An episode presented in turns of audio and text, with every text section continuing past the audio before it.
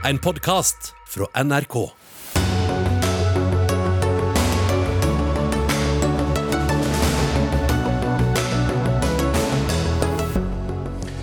Regjeringen beskyldes for å være på vei til å bryte smittevernloven av samarbeidspartner SV, men viser selv til saksbehandling. Kulturprofil ble i dag frifunnet for åtte av ni voldtekter etter ankesak i lagmannsretten, og får tolv års kortere straff. Domstolen bør vurdere om det var riktig å nekte Jehovas vitner statsstøtte for deres eksklusjonspraksis, mener redaktør. Og nok en folkevalgt er nå dømt for å tuske til seg penger hun ikke hadde krav på. Er det nå slutt, spør vi stortingsdirektøren.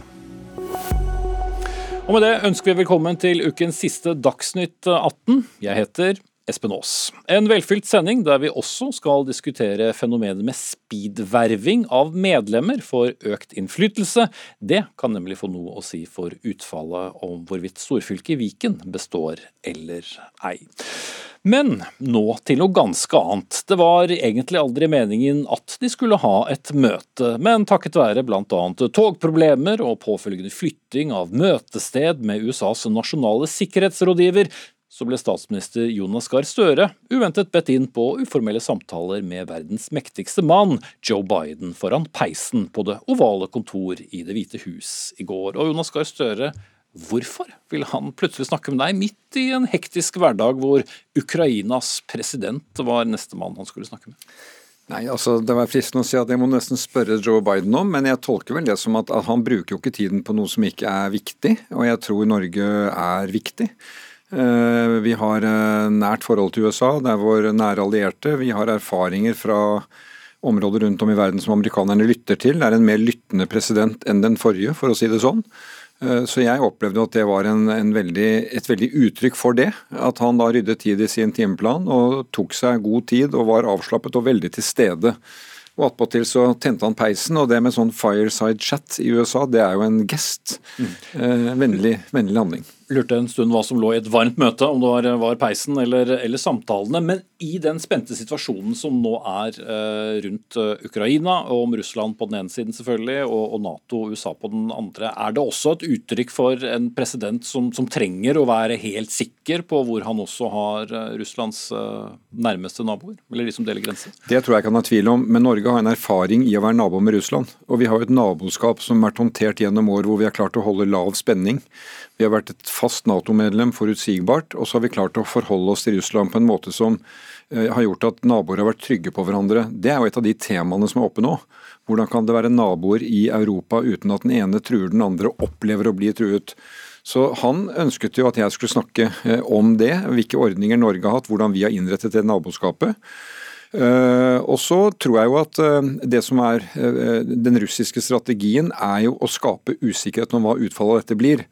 Veldig mye av det som er etterretningsopplevelsen i USA, som står i mediene, er at de ser for seg at en invasjon kommer, at alt ligger til rette for det. Samtidig så er man jo nå inne på et politisk bord, og det er jo det Biden jobber for. Eh, men der eh, er det usikkerhet, og det er grunn til å understreke at denne situasjonen er veldig alvorlig, og kan jo bli også veldig dramatisk hvis vi skal få en storstilt militær invasjon i et annet land i Europa. Mm. Du er jo nærmest tilbake fra, fra peisvarmen i, i, det vale kontor. Men her hjemme har jo da debatten gått eh, høyt og lavt om fasiliteringen av Taliban-besøket. Men også dette dukket opp eh, i samtaler eh, under ditt USA-besøk. Hva har tilbakemeldingene vært der? Nei, jeg vil begynne med det som også gjelder meg. Nemlig at det å se Taliban på norsk jord er kraftig kost. Jeg skjønner de som reagerer når de ser dem. Assosierer det med det de har stått for og det de står for. Men det jeg kan uh, vitne om, det er at altså fra FNs generalsekretær til USAs president Jeg møtte den, en av de tidligere lederne for de militære i altså Nato-styrkene i Afghanistan. Tidligere forsvarssjef i USA. De tok alle opp at dette var det riktige å gjøre. Vi er nødt til å komme i gang med de samtalene. Så dette fikk oppmerksomhet? Det fikk oppmerksomhet, og jeg ledet et møte i Sikkerhetsrådet om Afghanistan, og hadde jo da med meg ferske budskap. Og en av kvinnene som var til stede i samtalene i Oslo, Eh, ga jo et vitnesbyrd til Sikkerhetsrådet. Eh, og Det var et sterkt vitnesbyrd. Og, og, hun reiste jo fra Afghanistan til Norge for å møte de som styrer Afghanistan. Hvorfor er det nødvendig? Jo, for det går ikke i eh, Kabul i dag. Og, og, og Taliban må jo nå forstå, og de fikk det budskapet klart i Oslo, at de er nødt til å gjøre noe med tilrettelegging av humanitær hjelp. De er nødt til å gjøre noe med mer inkluderende styresett. Jenter må tilbake på skolen. Alt det fikk vi formidlet i Oslo. Og husk på det, at i Oslo var USA til stede. Eh, Tyskland, Frankrike, Italia, EU. Eh, så det budskapet ble formidlet. Mhm. Men vi har en makt som ikke er valgt, der eh, de har tatt eh, makten i Afghanistan, men får jo da stadig denne oppmerksomheten som de gjør. Slik du leser de du har samtalt med, er det en mer og mer anerkjennelse av Taliban? Nei. Det er det ikke. Veldig tydelig. Og det å frigjøre midler til å nå nødstedte mennesker skal gjøres på en måte som ikke anerkjenner ledelsen. Men du har et begrep i diplomatspråket som heter de facto ledere. Det er de som sitter med makta i Afghanistan. Like eller ikke like det. Eh, de var vel kanskje like overrasket som mange eh, i midten av august, da, da det gamle regimet falt sammen. Men nå er spørsmålet om veien videre i et land som står overfor enorme humanitære utfordringer. Og hvor de som sitter da med dette ansvaret, de må jo forstå at hvis de skal komme videre, så er de nødt til å gjøre en rekke ting for at det internasjonale samfunnet skal åpne for normalt samarbeid. Og Det har det vært eh, snakket mye om, men mange lurer da litt på i hvor stor grad det går an å se for seg, om ikke akkurat en timeplan, men, men tenke noe mer på når det vil skje noe overfor både minoriteter, kvinner og andre som Taliban ser ut til å ha hatt noe anstrengt forhold til, men også den humanitære hjelpen som da veldig mange trenger. To-tre ting. Det ene er at økonomien har kollapset. Det er ikke eh, likviditet, penger i omløp. Sentralbanken er, ligger nesten helt brakk. Så på en eller annen måte må man få i gang dette økonomiske blodomløpet i en økonomi, eh, slik at det går an å handle varer og, og få det sirkulert. Det tror jeg det internasjonale samfunnet kan få til med betingelser og med streng oppfølging. Gi hjelp via FN og humanitære organisasjoner. Så er jo dette med jenter tilbake på skolen i mars. Da er det en sånn eh, termin som er over. Det er jo et veldig klart mål om de leverer. Det lovet Taliban også på 90-tallet, da de styrte sist. De gjorde det ikke. De sa det i august i fjor. De har ikke gjort det til nå. Og jeg tror en av de tunge forhandlingene som kommer nå, det er mellom Taliban-fraksjoner. For vi ser nå et mer splittet Taliban, og vi skal være klar over at der finnes det krefter som ønsker å gå i en ja, mer eh, retning som kan eh, gi dem eh, en større grad av aksept, og de som vil gå en annen vei. Så vi, Etter Oslo så har vi ikke noe garanti for noe av dette, men det inntrykket jeg fikk fra både Sikkerhetsrådet, møtet i Washington med amerikanere og med andre, er at det som iallfall er garantert, at hvis man ikke kommer i gang med samtalen mellom afghanere og det internasjonale samfunn, så blir kollapsen trolig ganske total. Takk skal du ha, statsminister Jonas Gahr Støre.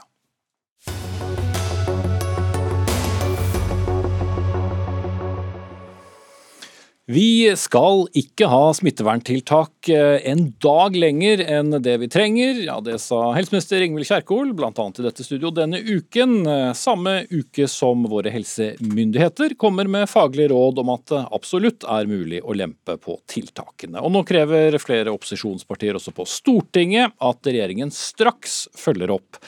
For når kommer egentlig den dagen som ikke er en dag lenger enn det vi trenger. For regjeringen har jo varslet at det blir rettelser, men det er først til uken. Og Marian Hussein, helsepolitisk talsperson eh, for SV på Stortinget. Du sier til oss i dag at eh, regjeringen nå rett og slett er på vei til å bryte smittevernloven. Hvordan da?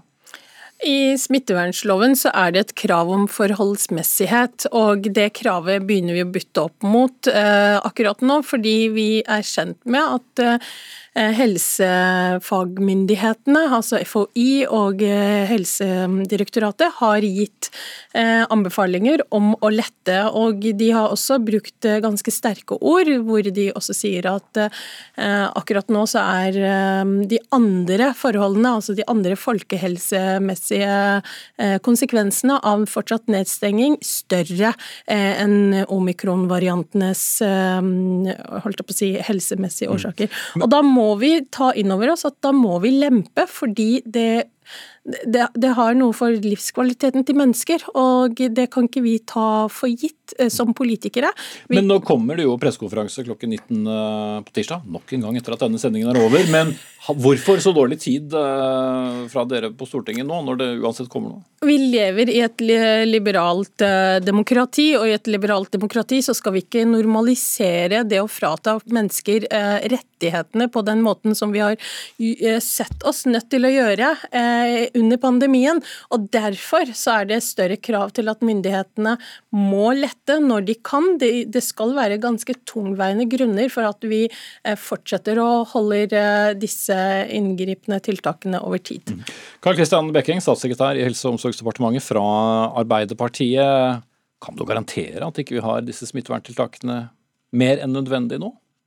Ja, det er det vi jobber for. Den utålmodigheten som representanten eh, legger frem, deler vi veldig i regjeringen. Og så er det også et krav i smittevernloven at det skal være en helhetlig vurdering. Vi får mange leveranser fra Helsedirektoratet, fra Folkehelseinstituttet, fra andre etater, fra et ekspertutvalg som skal se på samfunnsøkonomiske konsekvenser. Og det, senest i dag har statsråden hatt et møte med kommunene og fylkene. Men hva skal... risikerer vi? Det er jo det mange spør seg om. Hva er egentlig risikoen eh, ved å åpne når eh, myndighetene ellers, eller helsemyndighetene ellers sier at det er greit? Hvorfor må det da først skje i månedsskiftet? Det som er eh, Poenget er at dette er en politisk vurdering, en helhetsvurdering som skal gjøres. og Helsemyndighetene sier også at det skal være noen tiltak igjen. Altså Det skal være noen ting som skal holde igjen. og Den store diskusjonen er jo hva er det vi skal da holde igjen på. og Det er jo en faglig debatt hvor det har kommet litt uh, ulike råd som vi da må veie opp mot hverandre. og Det bruker regjeringen litt tid på å gjøre. Mm. Og Slik ble det jo også gjort under forrige regjering. altså Dette har vi holdt på med i to år. og De tidligere lettelsene så har man også fått faglige råd, og regjeringen har gjort en politisk vurdering. Mm. Og Det mener jeg er viktig. fordi 12.3 så fikk man kritikk fra koronakommisjonen at det var Helsedirektoratet som gjorde på en måte beslutningen. Og Siden da så har det vært et prinsipp i Norge at det er en politisk vurdering hva vi skal slippe opp på. og Det mener jeg er riktig. Jo da, og Ingen betviler at det er politikerne som, som, bestemmer, det gjentas til stadighet. det. Men er det da, eh, tror du ikke at saksbehandlingen slik sett er forsvarlig? Altså Trekker det ut i tid? sa? Eh, vi må, eh, Det trekker ut i tid, fordi eh, når helsemyndighetene er så tydelige, så må faktisk de andre eh, holdt på å si, anbefalingene eh, helseministeren får, de må være enda bedre enn faren for liv og helse som eh, helsemyndighetene på en måte ser på. Og akkurat nå så er ikke det sånn. Også for meg og Carl Christian så kan det være veldig uvesentlig om det blir lettelser i dag, eller om, de, om det blir lettelser på mandag. Men for veldig mange så har det veldig mye å si. For veldig mange aleneboende som ikke har vært på jobb eh, siden disse inngripende tiltakene kom i desember, så kan det ha veldig med å si for om de får treffe kollegaene sine på mandag, eller om de må fortsatt være hjemme.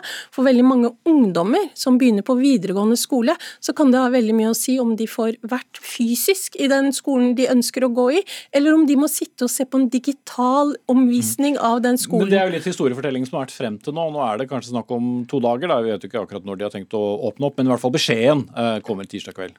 Ja, og jeg mener at vi har eh, et ansvar som politikere om å ikke eh, bli for vante med å ha så strenge eh, tiltak som mulig.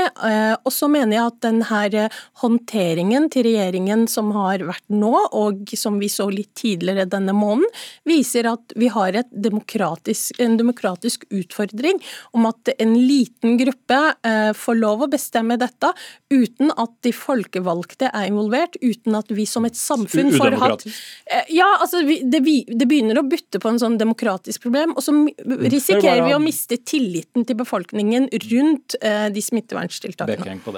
Ja, altså jeg vil si at Hvis, hvis øh, hastverk er øh, målet, så ville en, en, en, prosess også hvor man skulle hatt en liksom større runde innom Stortinget for å øh, etablere den endelige pakken, også kunne utsette dette ytterligere. Altså Vi jobber på spreng også gjennom helgen for nettopp å etablere en tiltakspakke som vi mener også kan stå seg eh, en tid fremover. Slik at det er noe som man kan forholde seg til. For Det er også slik at det kommer veldig mange oppdragssvar fra etatene, eh, og av og til så spør vi ja, hva mener dere her? Noen ganger er de litt motstridende, vi må spørre videre. Eh, og Hvis vi skulle på en måte hele tiden bare lagt oss på det som ligger der, da er det jo på en måte ikke en politisk styring og en helhetlig vurdering. Samtidig så kommer da altså helsemyndighetene med sine anbefalinger eh, tidligere denne uken, og så sier dere det skal komme beskjed fra regjeringen klokken 19 på tirsdag. Bare for å si det tidspunktet en gang til. Men her er det da en uke eh, imellom, de gir jo et signal om det kommer lettelser. Og når det da tar en hel uke, vil ikke da det egentlig gå litt sånn vinning opp i spinningen, i og med at kanskje allerede denne helgen så vil mange tenke at nå åpner samfunnet igjen. For det har også vært et ganske klart signal om at det blir store lettelser. Ja, og der uh, har jo helseministeren vært tydelig når hun blir spurt hvilken vei går dette. og Det er klart uh, det de underliggende etatene viser, er at det kommer til å gå mot lettelser. Men som sagt, de sier også at noe må holdes igjen. Og Da er den store diskusjonen som nå pågår, og de vurderingene som nå pågår, knyttet til ja, hva er det man skal holde igjen på, slags, hvordan skal vi ha en pakke som også står seg gjennom den store smittebølgen som vi forventer kommer da nå i februar. Hussein. Det er veldig fint at du tar opp dette med kommunikasjonsstrategien regjeringen har valgt. fordi når man varsler så lang tid i forkant om at det kommer lettelser, så begynner også hvermannsen å gjøre sine egne vurderinger. Eh, bare senest i dag så syns jeg at det var litt færre enn eh, litt flere som ikke brukte munnbind i T-banen enn det som var vanlig. Sånn at her lager man også en sånn usikkerhetsmoment istedenfor at vi får tydelige og klare beskjeder når de helsefaglige rådene foreligger fra regjeringen. Kort uh, slutt, Beking. Ja, og Det er nettopp derfor uh, vi prøver å lage en helhetlig pakke som er tydelig og satt sammen, slik at folk forstår hvilke regler som kommer til å gjelde fra tirsdag. Mm. Helhetlig pakke tirsdag klokken 19. Karl Kristian Beking, statssekretær i Helse- og omsorgsdepartementet fra Arbeiderpartiet, og Marian Hussein, stortingsrepresentant fra SV.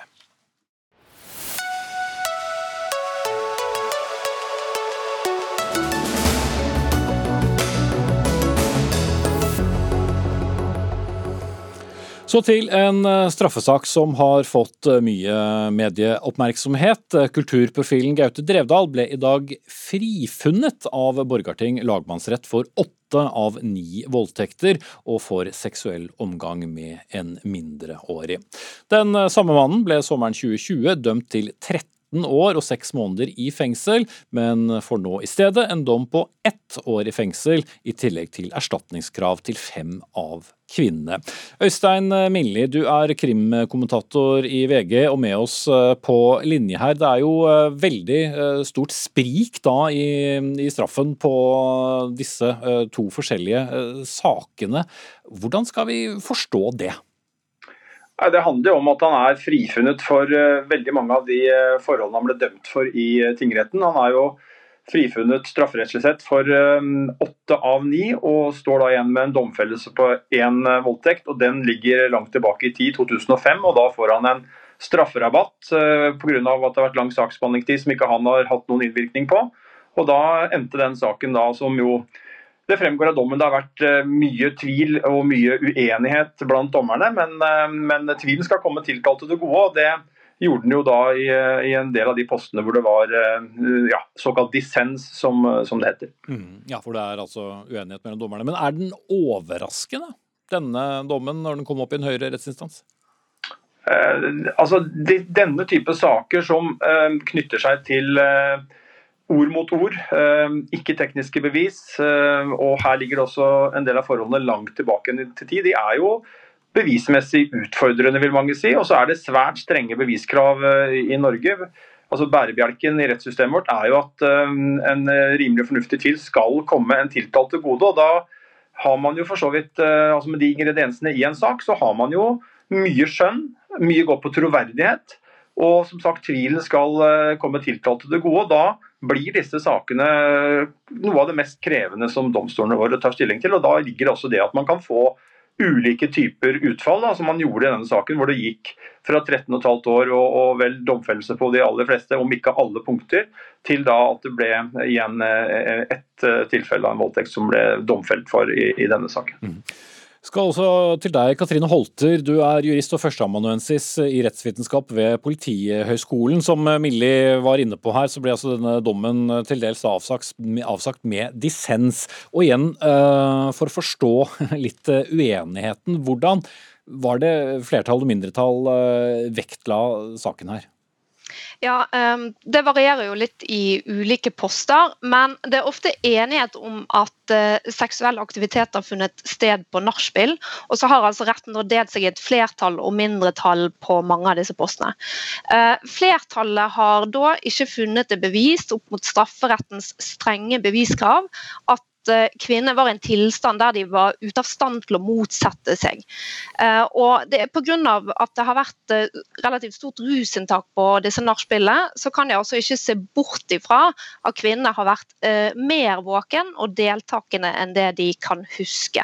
Og så har det nok også hatt betydning at det er lenge siden disse hendelsene har funnet sted. Mindretallet har vært opptatt opptatt av at man husker traumatiske hendelser godt. Ehm, de har også tidvis, altså På noen av postene så er de også opptatt av at det er tidsnære beskrivelser på meldinger osv. av det som har skjedd.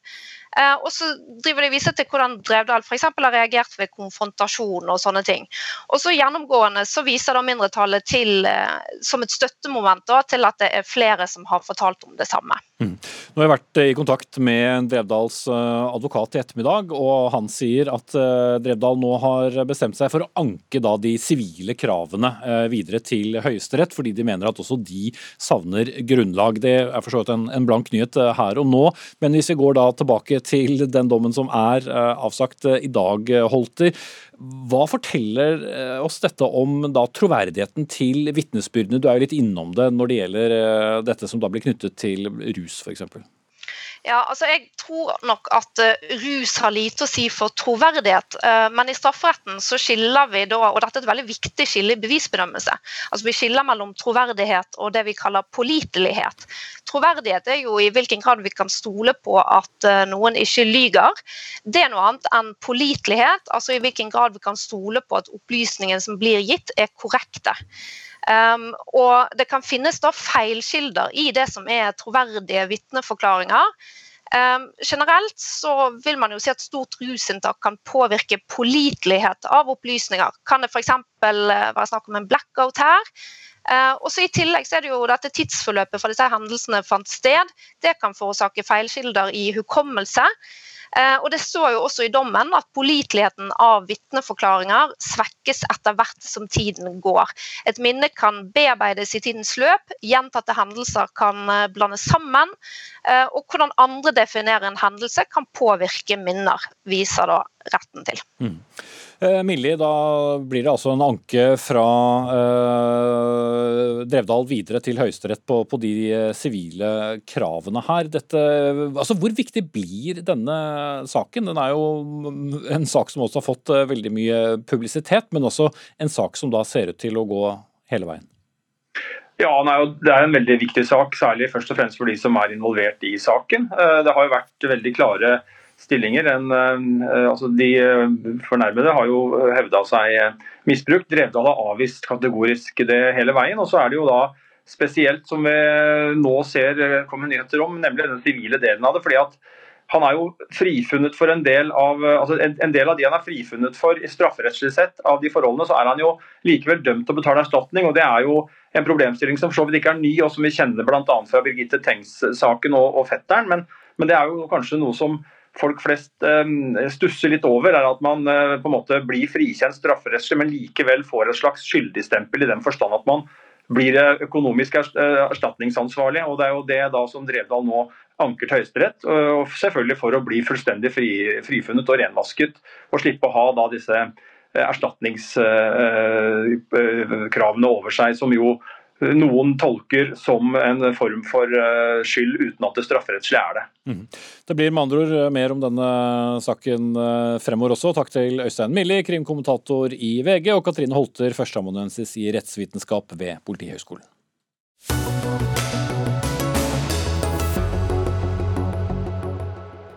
Bare fortelle litt om hva vi skal snakke om litt senere i sendingen også. fordi Først var det en stortingsrepresentant fra Fremskrittspartiet som ble dømt for bedrageri. I dag en tidligere stortingsrepresentant fra Arbeiderpartiet dømt for det samme. Er nå regelverket på Stortinget slik at vi ikke skal få enda flere saker det spør jeg stortingsdirektøren om senere. Men nå noe annet. For beslutningen om å nekte Jehovas vitner vitner. Videre statsstøtte den burde faktisk bli prøvd for retten. Ja, Det skriver du, Vebjørn Selbekk, redaktør i Dagen, i leder i egen avis. For de som ikke har fått med seg bakgrunnen, trossamfunnet skulle i fjor fått nesten 17 millioner kroner i statsstøtte, men pga sin mye omtalte og for så vidt også omstridte eksklusjonspraksis, har de ikke lenger rett på dette, ifølge statsforvalteren i Oslo og Viken. Og, Selbekk, eh, hva gjør at du kan ha en annen oppfatning her enn en statsforvalteren, til det fylkesmannen, for dere som lurer på? Ja. Nei, det, det, handler jo altså, Jeg tror at alle de fleste i Norge er, eh, syns det er forkastelig veldig mye av det som Jehovas vitner driver på med. Det er vel et av de mest eh, upopulære trossamfunnene i Norge, og jeg støtter det heller ikke på noen som helst måte. Men eh, her er det etter min mening veldig viktige prinsipper som eh, er i spill. Det handler om religionsfrihet, og det handler grunnleggende sett om likebehandling av trossamfunn, også av trossamfunn som de fleste forakter. Og eh, Jeg synes det skal vært interessant å fått dette prøvd i retten. Nå har vi fått en ny eh, trossamfunnslov, fikk den eh, i fjor som gir disse mulighetene som statsforvalter Svarstad Haugland har benytta seg av nå, til å ta fra eh, trossamfunn støtte, slik man har gjort med Jehovas vitner. Og Samtidig har vi en grunnlovsparagraf, paragraf 16, som sier at alle tros- og livssynssamfunn skal understøttes på lik måte av staten. Det har med å gjøre at vi har en folkekirke i landet her som, eh, som, staten understøtter.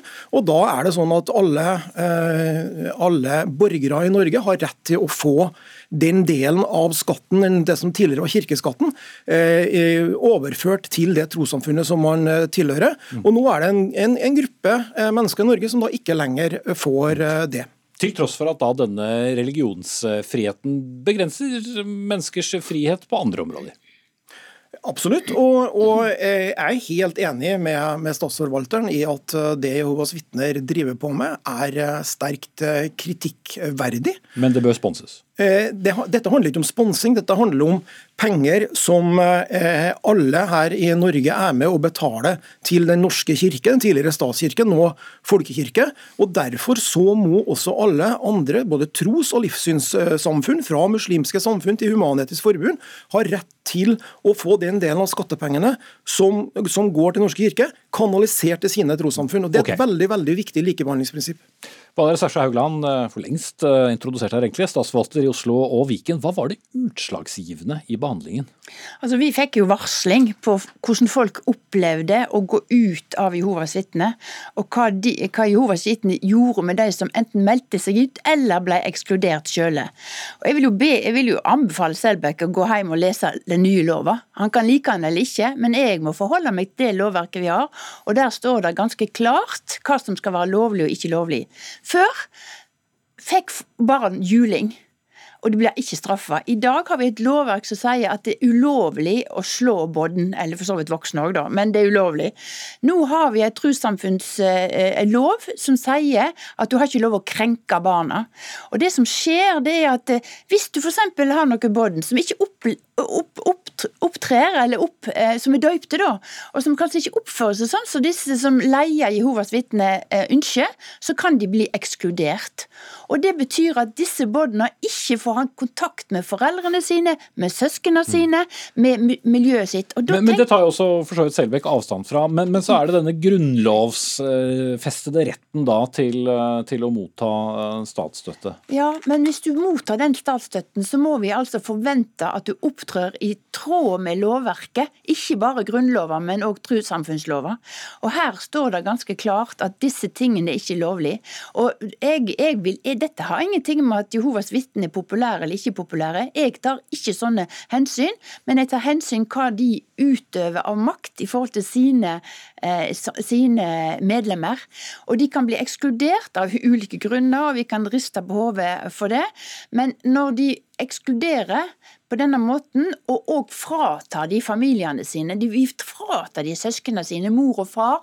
Vi, vi, vi, barn har faktisk rett på foreldre. Og så skal noen som leder et trossamfunn få frata de kontakt med mor og far. Og attpåtil da få statsstøtte, som er og eh, poenget Og statsstøtte. Jeg bare si en ting til. Det må være kort. Jeg vet at jeg kan ikke, altså Det som vi har gjort, vil ikke endre Jehovas vitne sin praksis, men jeg syns det er veldig bra at de iallfall ikke skal få støtte fra staten til å utøve den praksisen som de har gjort. Eh, et mer sånn prinsipielt spørsmål da, Selbekk, blir liksom hvor skal grensene gå? For det er jo mye man kan synes er godt over grensen ja. også i, i, andre kirkesamfunn og andre religioner? Absolutt, og det må, det, men det er etter min mening eh, det har med andre lover å gjøre. Hvis man driver med kriminell virksomhet eh, i trossamfunn, så finnes det annet lovverk å bruke, ikke å forskjellsbehandle trossamfunn på denne måten. Og jeg forstår at Statsforvalteren må selvfølgelig forholde seg til den nye loven som kom i fjor. Men jeg er i en fri stilling. Jeg kan, jeg kan, jeg kan kritisere den loven og være ja, uenig i den. Og, og jeg mener at det, det, det, er noen farlige prinsipper med den nye loven.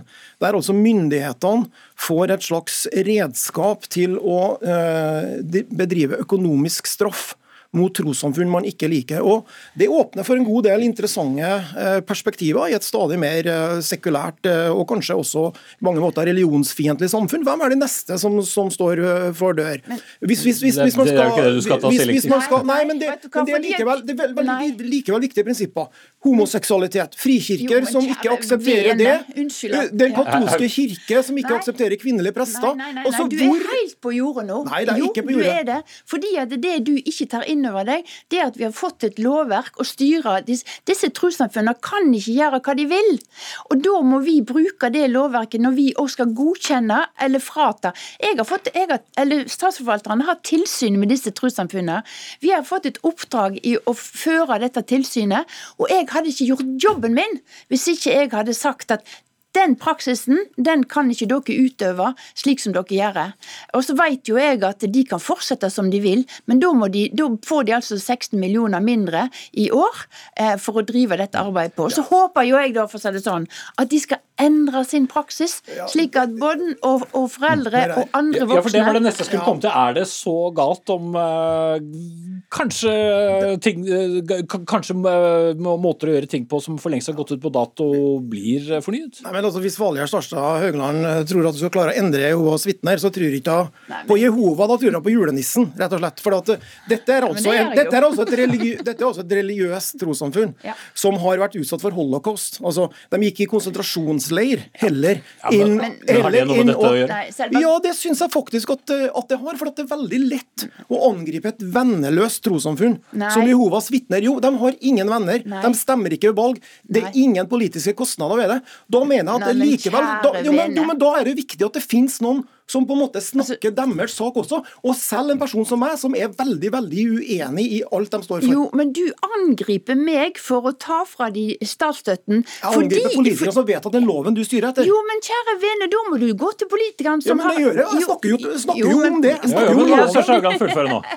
Poenget er at jeg har et lovverk, vi har et lovverk som er vedtatt, og jeg syns det er fornuftig dette lovverket. Fordi at en skal ikke kunne gjøre hva som helst i navnet til verken Gud eller far Faderen eller Den hellige ande. En skal faktisk ikke kunne gjøre hva som helst, og likevel få en slags aksept som trossamfunn, eh, og dermed òg eh, eh, statsstøtte. Og er, jeg tror vi er på farlige veier hvis vi fortsetter å ser gjennom fingrene på en slik eksklusjonspraksis som de Jehovas vitner har, eh, har, ført i mange okay, år. Jeg lar det være et uh, poeng. og så gjør oppmerksom på at uh, Jehovas vitner ble invitert hit, men uh, pga. pågående ankesak så takket de nei i denne omgang. Takk til statsforvalter i Oslo og Viken, Valde Sørstad Haugland og Vibjørn Selbekk, eller Kjære vene, som du mest ble kalt i den diskusjonen, redaktør for den kirkelige dagsavisen Dagen.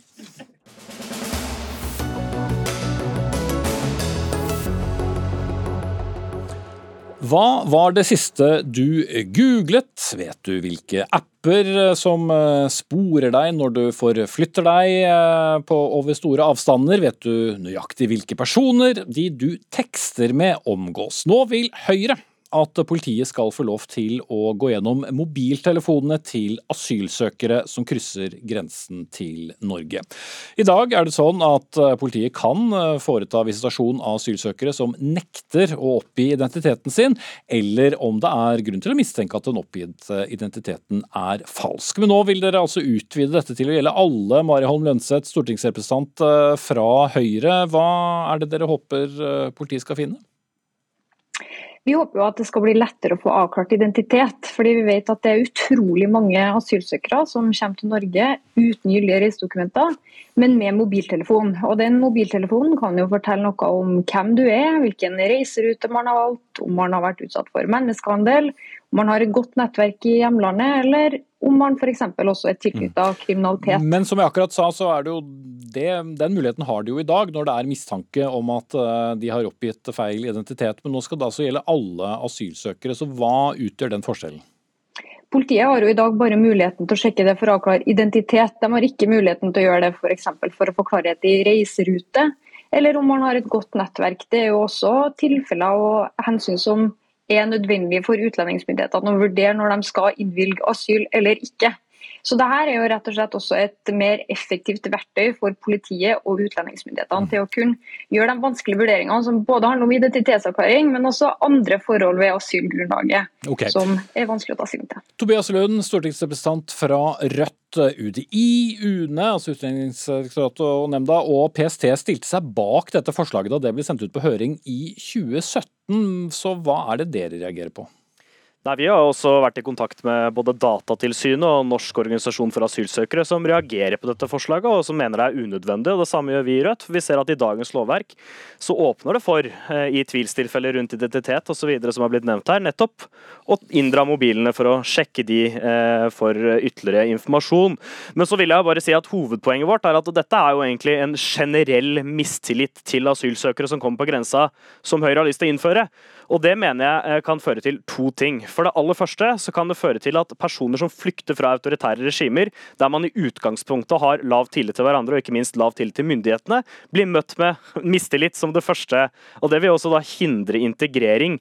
Eh, og For det andre så tror jeg det kan ha en ganske utilsikta konsekvens, nemlig det at hvis asylsøkere veit at mobilene deres, altså noe av det mest personlige vi har, blir inndratt ved grensa, da vil de også kanskje stå i fare for å kvitte seg med de før de kommer til grensa. og Da er jo hele poenget med Høyres forslag bortkasta. Men for å snu litt på det du sier, da risikerer vi ikke da ved å ikke innføre mer uh, sjekking av bakgrunn at uh, folk som ikke har krav på asyl, får opphold? Jeg tror både meg og Lønseth har lyst til å sørge for at vi avklarer eh, grunnlaget for asyl for alle som kommer til Norge så raskt som mulig. Men jeg mener det å innføre en regel om generell mistillit, som er det som Lønseth foreslår her, det er ikke veien å gå. Og Man kan jo spørre tilbake da om representanter fra Høyre er komfortable med, hvis to f.eks. skal til en utenlandsferie eller til Sverige eller Danmark, eh, om å få inndratt mobilen sin, og at eh, danske eller svenske myndigheter skal vite alt hva hun holder på med den. Vil lar programleder stille spørsmålene som er mer relevante for selve diskusjonen. Mari Holm eh, Lønseth, eh, hva da poenget med å mistenkeliggjøre absolutt alle som søker? For det første så må jeg bare si Det er feil det Lund sier om at grunnlaget som politiet som han sier at politiet har i dag, det har de faktisk ikke. Men jeg mener at det handler om mistillit. Det handler rett og slett om en erkjennelse av at det er utrolig mange asylsøkere som ikke har reisedokumenter. Og det er en erkjennelse av at mye av det som mange tidligere før hadde som dokumenter, faktisk er noe man nå har på mobiltelefonen.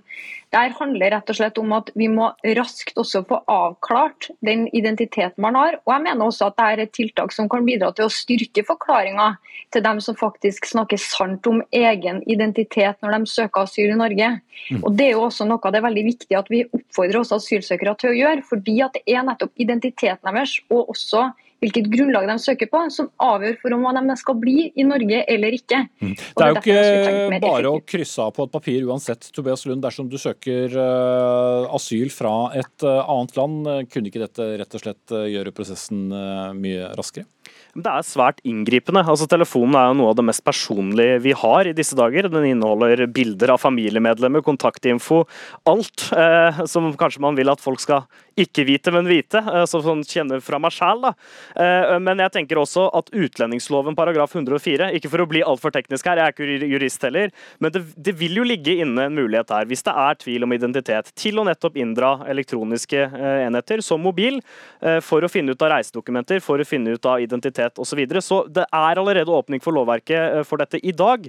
Men det Høyre foreslår, er jo en generell mistillit til alle asylsøkere som kommer på grensa. Jeg tror at folk flykter eller kommer på grensa til Norge av en god grunn. Eh, de har lyst til å komme fra land hvor de blir undertrykt, hvor de blir møtt med mistillit av myndighetene. og Da er ikke det første vi skal møte de med, mistillit når de kommer hit.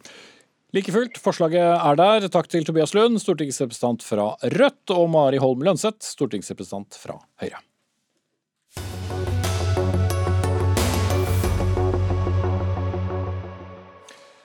I dag kom dommen. Arbeiderpartipolitiker og tidligere stortingsrepresentant Hege Haukeland Liadal ble i formiddag dømt til sju måneders fengsel for grovt bedrageri mot Stortinget. Hun dømmes til å betale tilbake 99 000 kroner til Stortinget etter å ha levert 61 feilaktige reiseregninger mellom høsten 2016 og 2018. Marianne Andreassen, direktør på Stortinget, du skal ikke kommentere dommen. Men jeg har hatt det her i studio en gang før, eh, på en lignende sak. Da gjaldt det eh, Frp-politiker som ble dømt til eh, mange måneder for, for også bedrageri. Er vi nå kommet dit at slikt ikke lenger er mulig? Vi har jobba mye med kontroll gjennom de siste årene, og det ble jo innført mye strengere dokumentasjonskrav i 2018. Eh, og vi har også jobba med kontroll på andre områder. Når det gjelder reiseregninger, så har vi jo en kontroll nå eh, på hver reiseregning som er tre ganger. Eh, sånn at det har vært en, en betydelig innsats for å styrke kontrollen med reiseregningene, også på andre områder. F.eks. når det gjelder fratredelsesytelser og etterlønn, så har vi også der et styrka kontroll.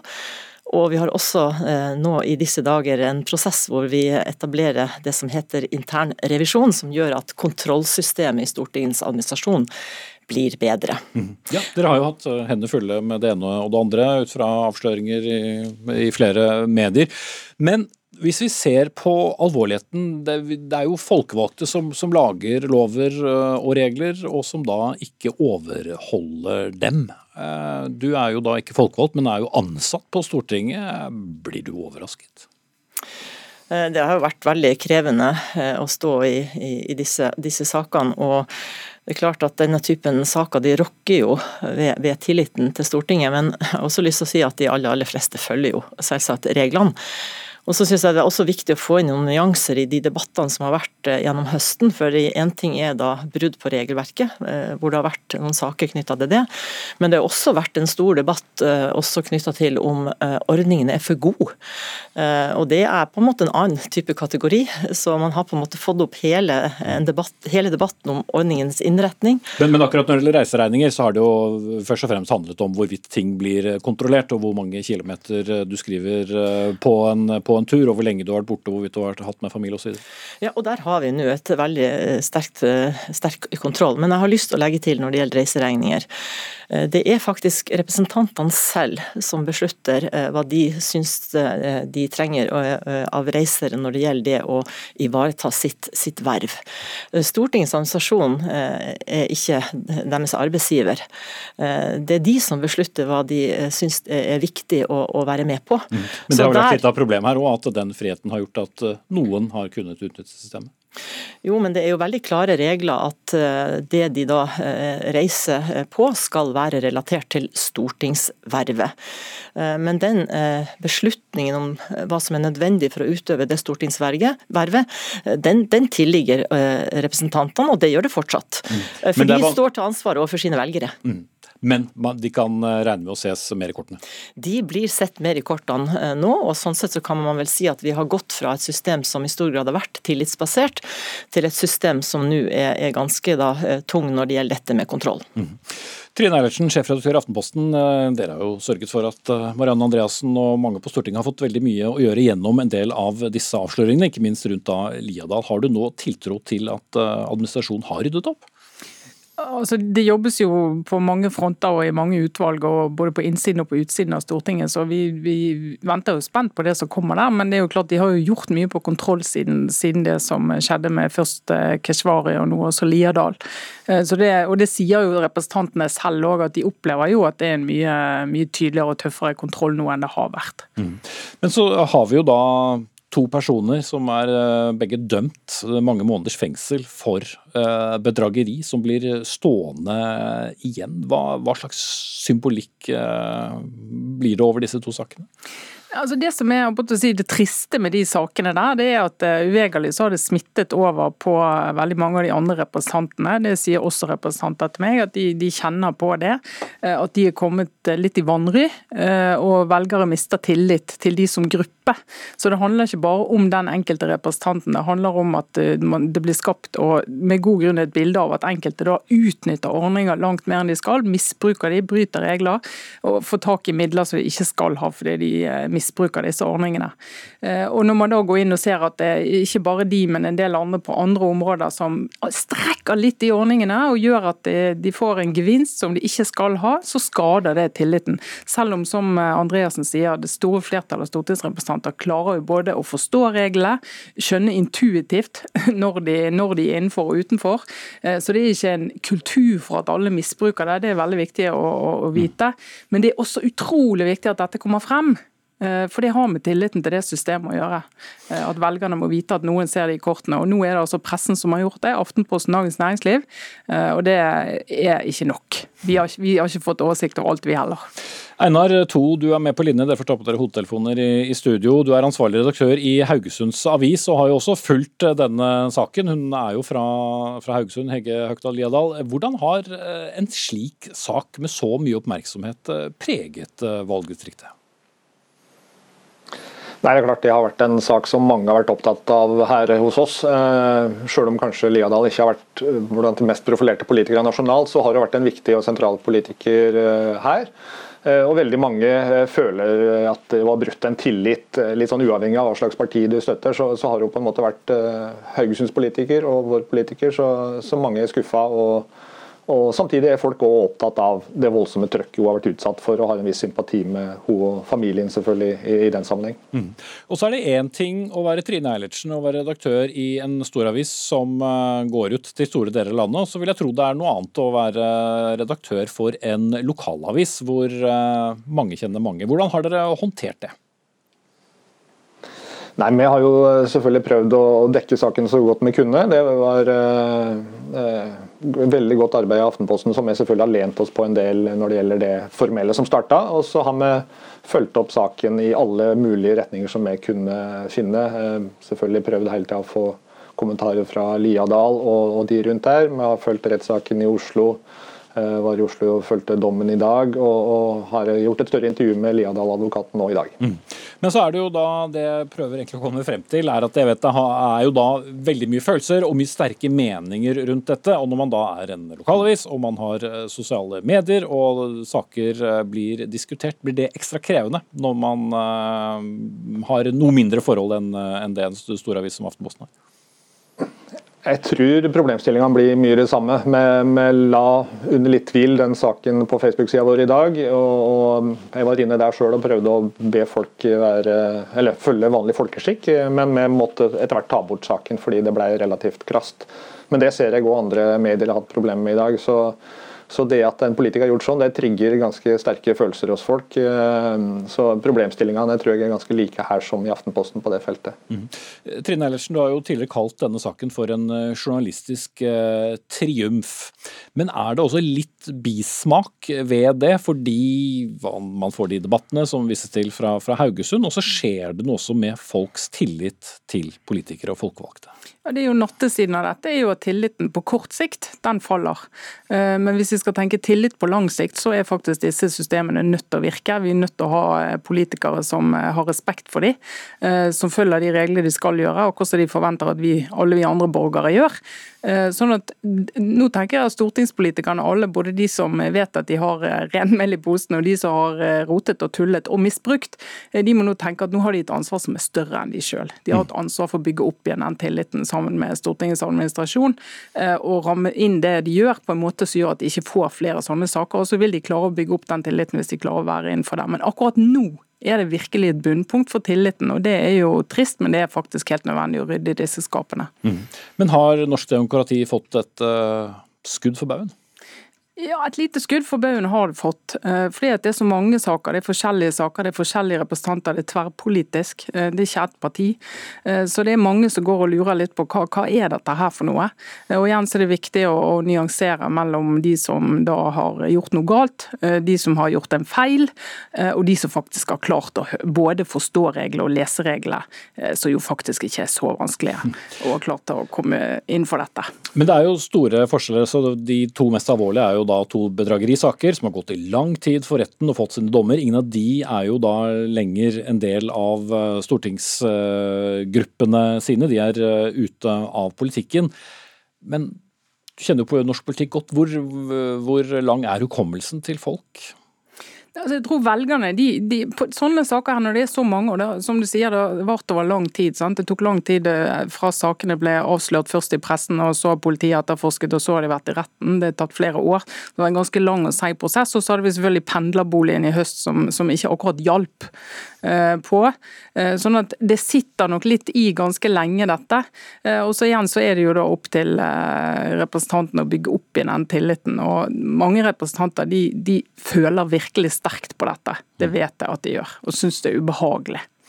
Hegge Aukrland Liedal har tatt betenkningstid om hvorvidt hun skal anke denne saken, men, eh, men Einar, to lokalt er eh, denne saken eh, nå en sak som er over, ut fra altså, Det spørs om det blir en anke eller ikke, da, men, men gitt at den, den stanser ved, ved det som skjedde i retten i dag?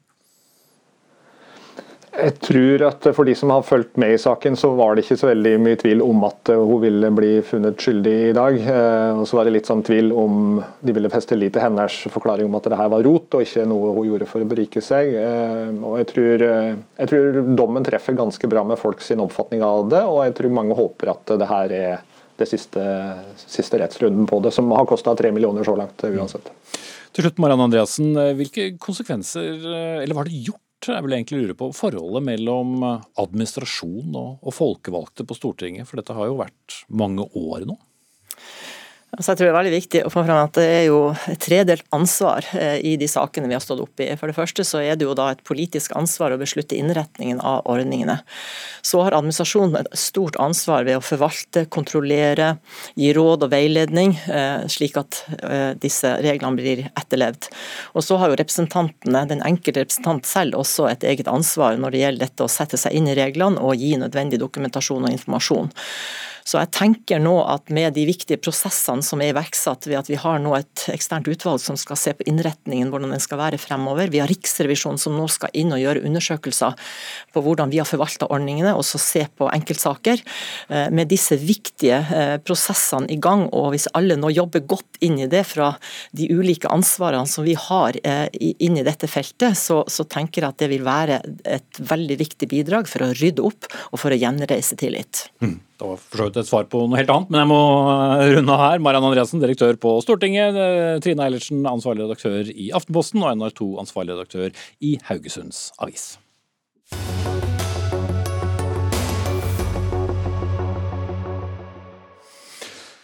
Så spør jeg, hvor mye makt skal et ungdomsparti kunne få når de speedverver medlemmer for bare ti kroner stykk?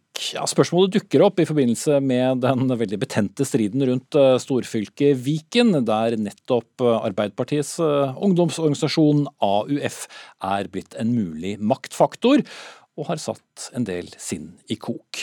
For medlemmene i øh, øh, Akershus Arbeiderparti er nemlig ikke bundet til å stemme mot noen oppsplitting av storfylket. Det er mye usikkerhet rundt det endelige utfallet, men AUFs medlemstall kan avgjøre dette utfallet. Og Vi vil forklare dette eh, litt nærmere, for det er VG som skrev om dette. Tone Sofie Aglen, hvor du er eh, kommentator.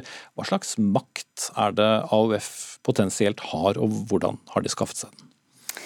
Nei, Det handler jo om at eh, medlemstallet er avgjørende for hvor mange delegater man har inn i et møte. Og det her er jo en problemstilling som har vært oppe i andre fylker, hvor noen er bekymra for at eh, deler av partiet bruker alliansen med AUF da, som en måte å få makt både over nominasjonsprosesser og over politiske saker. Og det er vel litt den debatten som ligger litt under overflata nå i Viken. Mm. Fordi det har vært eh, en billig inngangsbillett å plutselig bli AUF-medlem, men som da igjen fører til, eh, til mer makt. Ja, det er jo fordi man har eh, kunnet verve medlemmer for ti kroner. Og det er jo selvfølgelig mye enklere å verve på den måten. Det har jo også vært saker hvor det har vært kritikk for vervemetode, men jeg har ikke sett at det har vært en del av bildet i denne saken, mens eh, de som har vært kritiske til det her, mener at det her eh, er medlemmer som kommer fort ut, som forsvinner veldig fort igjen, men som eh, er en sånn slags maktbase for noen. og Det er kanskje ikke tilfeldig at det kommer opp i Viken. og Det, det har vært litt sånn storbyfenomen i noen av Arbeiderpartilagene. Oslo, Trondheim, Bergen, Akershus, hvor kanskje fylkeslaget er mer radikalt. og AUF har eh, en større innflytelse. Mm. Og Her har de da blitt større rett og slett fordi flere har meldt seg inn, og da, er da større alene i Akershus enn da Buskerud og uh, Østfold uh, til sammen. Johannes Berg, institutt, ved Institutt for samfunnsforskning, du forsker jo på dette med politisk deltakelse, og mener at ungdomspartier jo har mye makt, men har de litt for mye makt, hvis den kan kjøpes for en ti kroner? Det kan man lure på. Det, det er klart det, det, er grunn til å, å, stille spørsmål ved hvordan man, man, rekrutterer medlemmer. Men hvis man tar det store bildet, så er det jo vanskelig å argumentere for at ungdomspartiene og uh, unge velgere, unge mennesker i det hele tatt, har for mye politisk makt. Det, det, er klart Unge velgere har lavere valgdeltakelse enn befolkningen for øvrig. De er underrepresentert i de fleste valgte politiske organer. Og så, så har vi disse ungdomspartiene som har stor innflytelse i, i norsk politikk, eh, og, og, kanskje større innflytelse enn tilsvarende organer i, i, andre land. Eh, men det er vanskelig å si at de har for mye makt. De, de, de har eh, kanskje en makt som balanseres litt av at de unge ikke er så mektige på andre områder. Mm. Og Muligheten for å gjøre dette er jo der. da. Arbeiderparti-veteran Martin Kolberg, som nå er forsøkt ute av, av, rikspolitikken, har jo brukt ordet alvorlig om denne såkalte tikroners innflytelsen. For han ønsker jo noe annet enn det mange fremtredende politikere i Akershus uh, gjør når det gjelder fremtiden for Viken. Men kan da dette føre til uh, såpass store spenninger internt at uh, AUF blir en irritasjonsfaktor?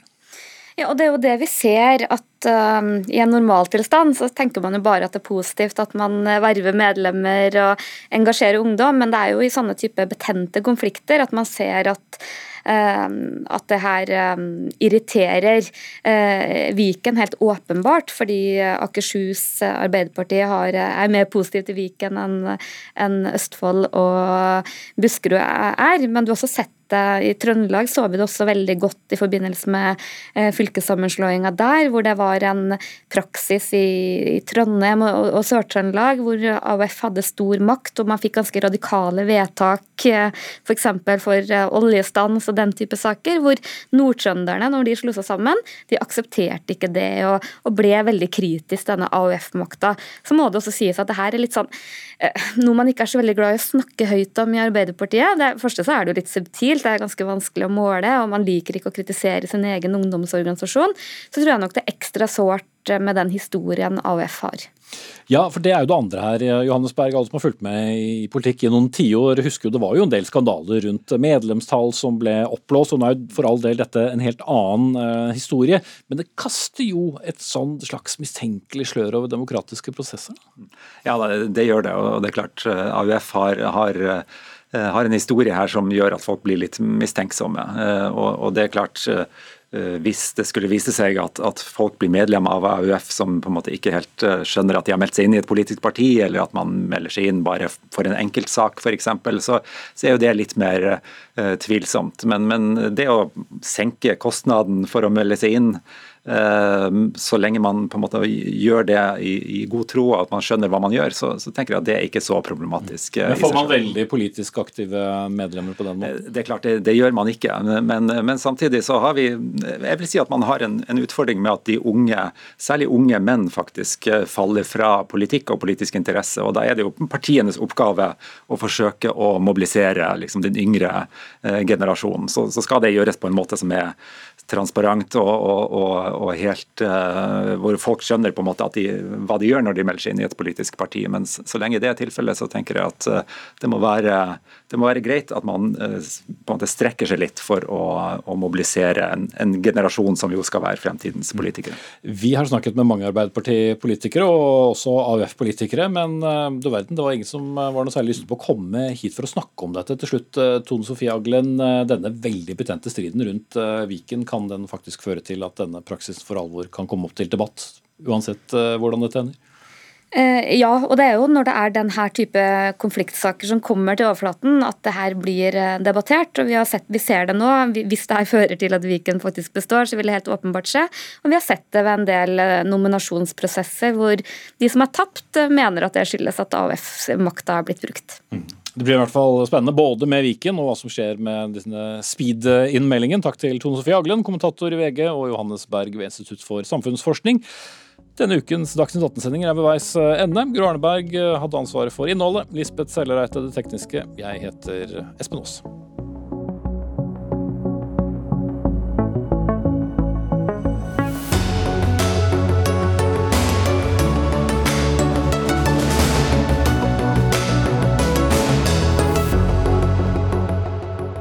Du har hørt en podkast fra NRK.